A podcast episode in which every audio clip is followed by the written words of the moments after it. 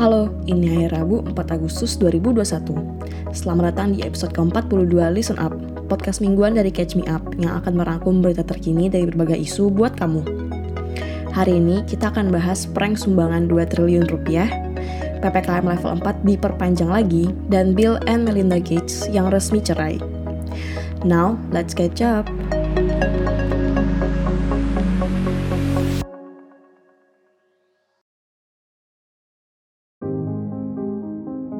Gengs, ada yang inget gak prank show jadul yang dibawain sama Komeng? Yang ini loh. Nostalgia banget gak sih? Tapi guys, baru-baru ini ada prank show yang lebih seru lagi. Yoi, soal orang tajir asal Sumatera Selatan yang mau ngasih duit ke negara itu loh. Oke, kalian inget gak sih soal rencana sumbangan sebesar 2 triliun rupiah dari keluarga almarhum Akiditio yang diberikan sama anaknya buat Provinsi Sumatera Selatan buat penanganan COVID-19?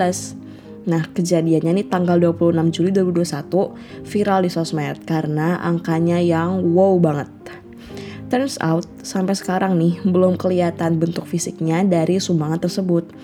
So, everybody was like, ini prank apa gimana ya? Nah, hal ini bisa kejadian karena sumbangan yang tanggal 26 Juli kemarin itu cuma dilakukan secara simbolis aja, gengs. Anaknya Akiditio namanya Herianti. Bilangnya kalau pihaknya ini mau ngasih harta warisan dari almarhum ayahnya ke Sumsel. Katanya itu adalah mandat dari ayahnya untuk ngasih uang tersebut kepada orang yang membutuhkan.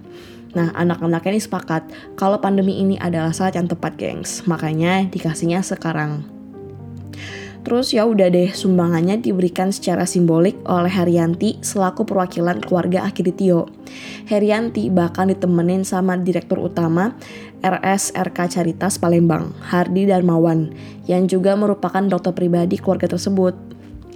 Adapun penerima sumbangan adalah Kapolda Sumatera Selatan, Inspektur Jenderal Eko Indraheri.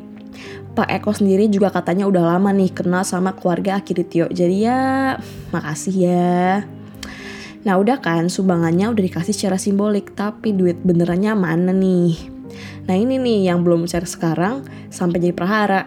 Makanya Senin kemarin Doi dibawa ke kantor polisi. Kata pihak kepolisiannya ada yang bermasalah dari sumbangan dana sosial ini. Tapi jam 12 malamnya udah dipulangin lagi gengs. Gini nih kata Pak Policinya. Tapi yang dipastikan bahwa jam 23 pemeriksaan dihentikan karena kan secara kemanusiaan kan tidak tidak tidak logis. Tadi Pak, malam, tadi malam uh, pulang Pak. Terus kemudian di rumah uh, rumah Pak apa Riat, uh, Ibu Rianti ada penjagaan. Memang uh, statusnya masih saksi. Nah, kita kan namanya orang akan memberikan sesuatu kan kita punya kewajiban. Tapi saya dengan hari ini kan hari ini kan semua orang boleh memberikan. Kan namanya orang punya niat baik ya kita juga menjaga orang yang memberikan punya niat baik. Pak, beredar foto ada uh, cek bilet giro yang sudah tersebar atas nama Ibu Herianti, berarti kita pastikan itu hoax Pak ya? Iya, Jadi ya udah deh geng, sebenarnya nih kalau kata Pak Pulici, mereka cuma mau bantuin doang gitu kalau misalkan Herianti beneran mau ngasih dana sosial gitu. Dan sekarang udah dipastikan kalau hal tersebut palsu alias hoax. Nah, setelah dilakukan penyidikan, ternyata ini bukan kasus pertama Herianti, gengs. Terungkap kalau sebelumnya Doi juga pernah nih ngelakuin hal yang sama dengan modus yang sama juga alias hibah. Tapi sampai sekarang sih belum dijelasin lagi nih sama pihak kepolisiannya lengkapnya kayak gimana. Terus, usut punya usut, ternyata suami dari Herianti a.k.a. menantu almarhum Akiditio bekerja sebagai pengemudi taksi online. Makanya nih, orang-orang semakin yakin kalau dana sumbangan ini sebenarnya enggak ada. Terus tanggapan dari Pusat Pelaporan dan Analisis Transaksi Keuangan atau PPATK ngasih komentar nih soal hal ini. Nih coba kita dengerin deh kata Dr. Dian Ediana Ray yang merupakan Kepala PPATK. Jadi sebenarnya kalau uh, uang ini ada ya uh, dan tidak ada isu sama sekali yang terkait apakah itu isu, isu hukum maupun isu lainnya, sebenarnya transaksi seperti ini adalah transaksi yang bisa berjalan dengan sangat cepat ya. Uh, tentu biliar giro adalah uh, salah satu bentuk instrumen uh, apa namanya pengalihan dana yang sebetulnya uh, mungkin itu kalau hanya fisiknya itu saja tidak terlalu penting ya. Yang paling penting apakah betul-betul di backup oleh uang sejumlah yang uh, memang ditulis di situ sebanyak 2 triliun. Jadi kalau meminta pemindah bukuan tentu saja harus pastikan bahwa uang itu memang ada. Nah, uh, uh, sampai dengan uh, sore ini bahwa uang itu memang belum ada sebetulnya. Hmm, udah lumayan ngarep ya, padahal kalau bakal dapet duit 2 triliun. Emang baiknya sih jangan pasang ekspektasi tinggi sih, gengs. Kayak kamu, kegiatan kamu aja gitu.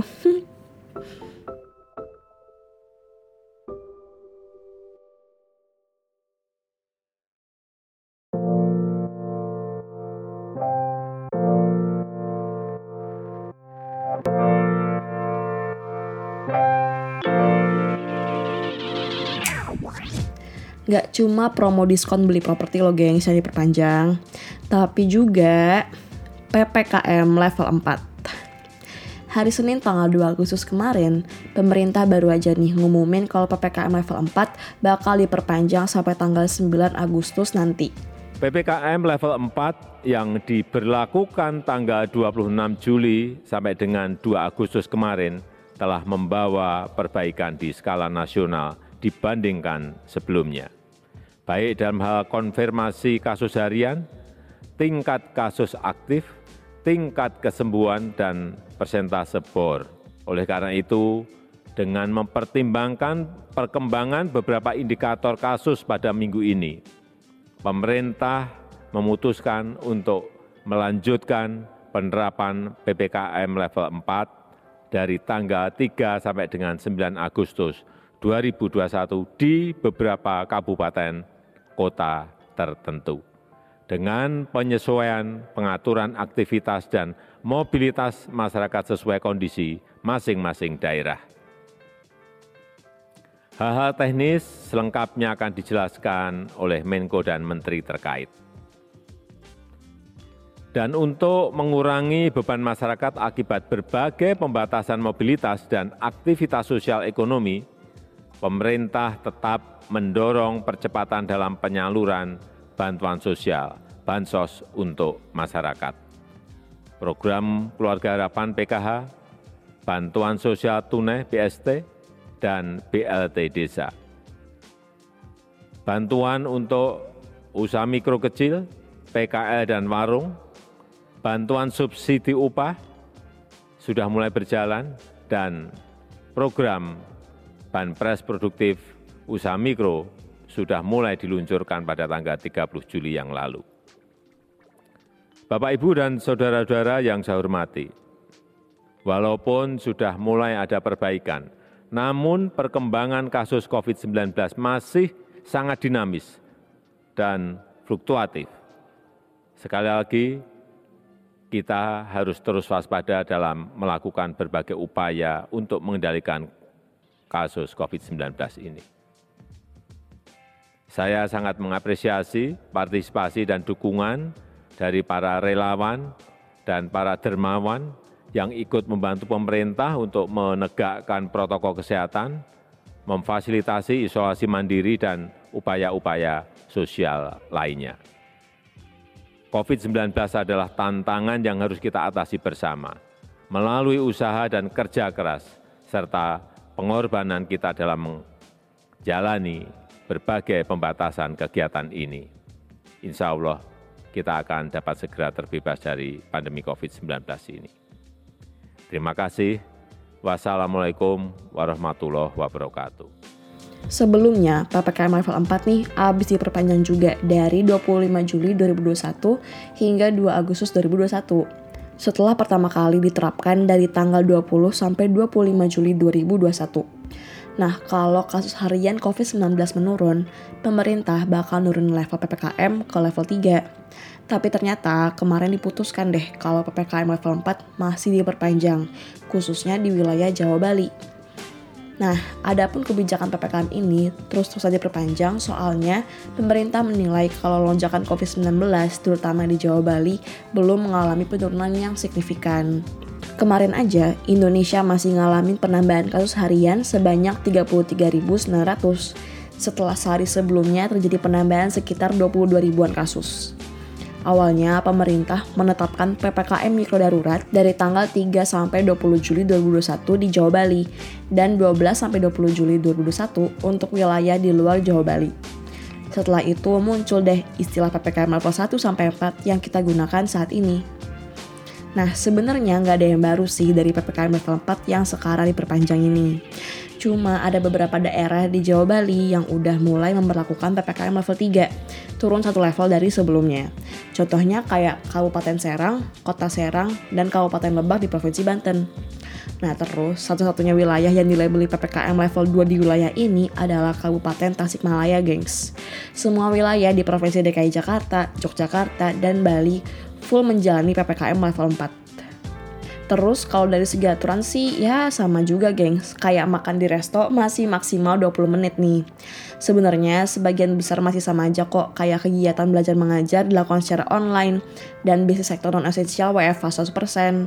Cuma ada satu aturan yang dibedakan dari PPKM level 4 sebelumnya, yaitu pasar tradisional yang tadinya cuma boleh buka sampai jam 15.00 diperpanjang nih jadi 20.00 waktu setempat. Terus, dokumen-dokumen buat melakukan mobilisasi naik kendaraan umum juga masih dibutuhkan guys. Contohnya, kalau kamu karyawan perusahaan sektor esensial atau kritikal, kamu wajib punya surat tanda registrasi pekerja atau STRP buat naik KRL. Atau dokumen pendukung lainnya kayak surat keterangan dari bos kamu kalau kamu emang harus masuk kantor.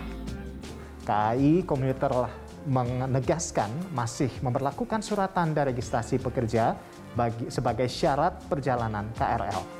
Atau kalau kamu mau ke rumah sakit untuk urusan pengobatan, persalinan, duka cita, dan lain-lain, kamu juga wajib punya surat keterangan dari rumah sakit yang bersangkutan kalau mau naik KRL. Kalau di luar Jawa Bali nih, ada 21 provinsi yang masih melanjutin PPKM level 4. Provinsi-provinsi ini juga ikutan diperpanjang karena masih mengalami lonjakan kasus harian positif juga. Contohnya kayak Provinsi Sulawesi Tengah, Riau, Sumatera Utara, Gorontalo, dan Kalimantan Barat yang merupakan lima provinsi dengan kasus harian positif tertinggi di luar Jawa Bali. Yuk, bisa yuk!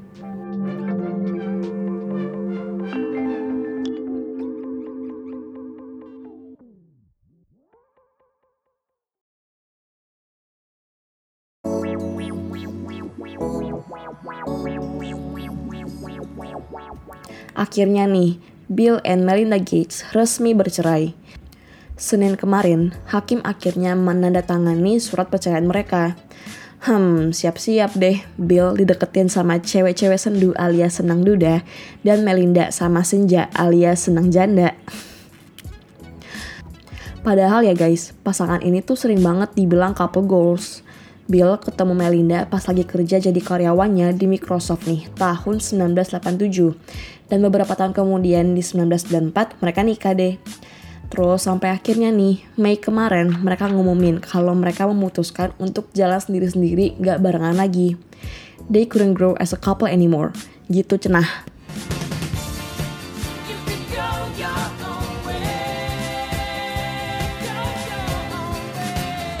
Keduanya resmi berpisah dan gak ada yang harus bayar spousal support atau support mantan pasangan setelah bercerai.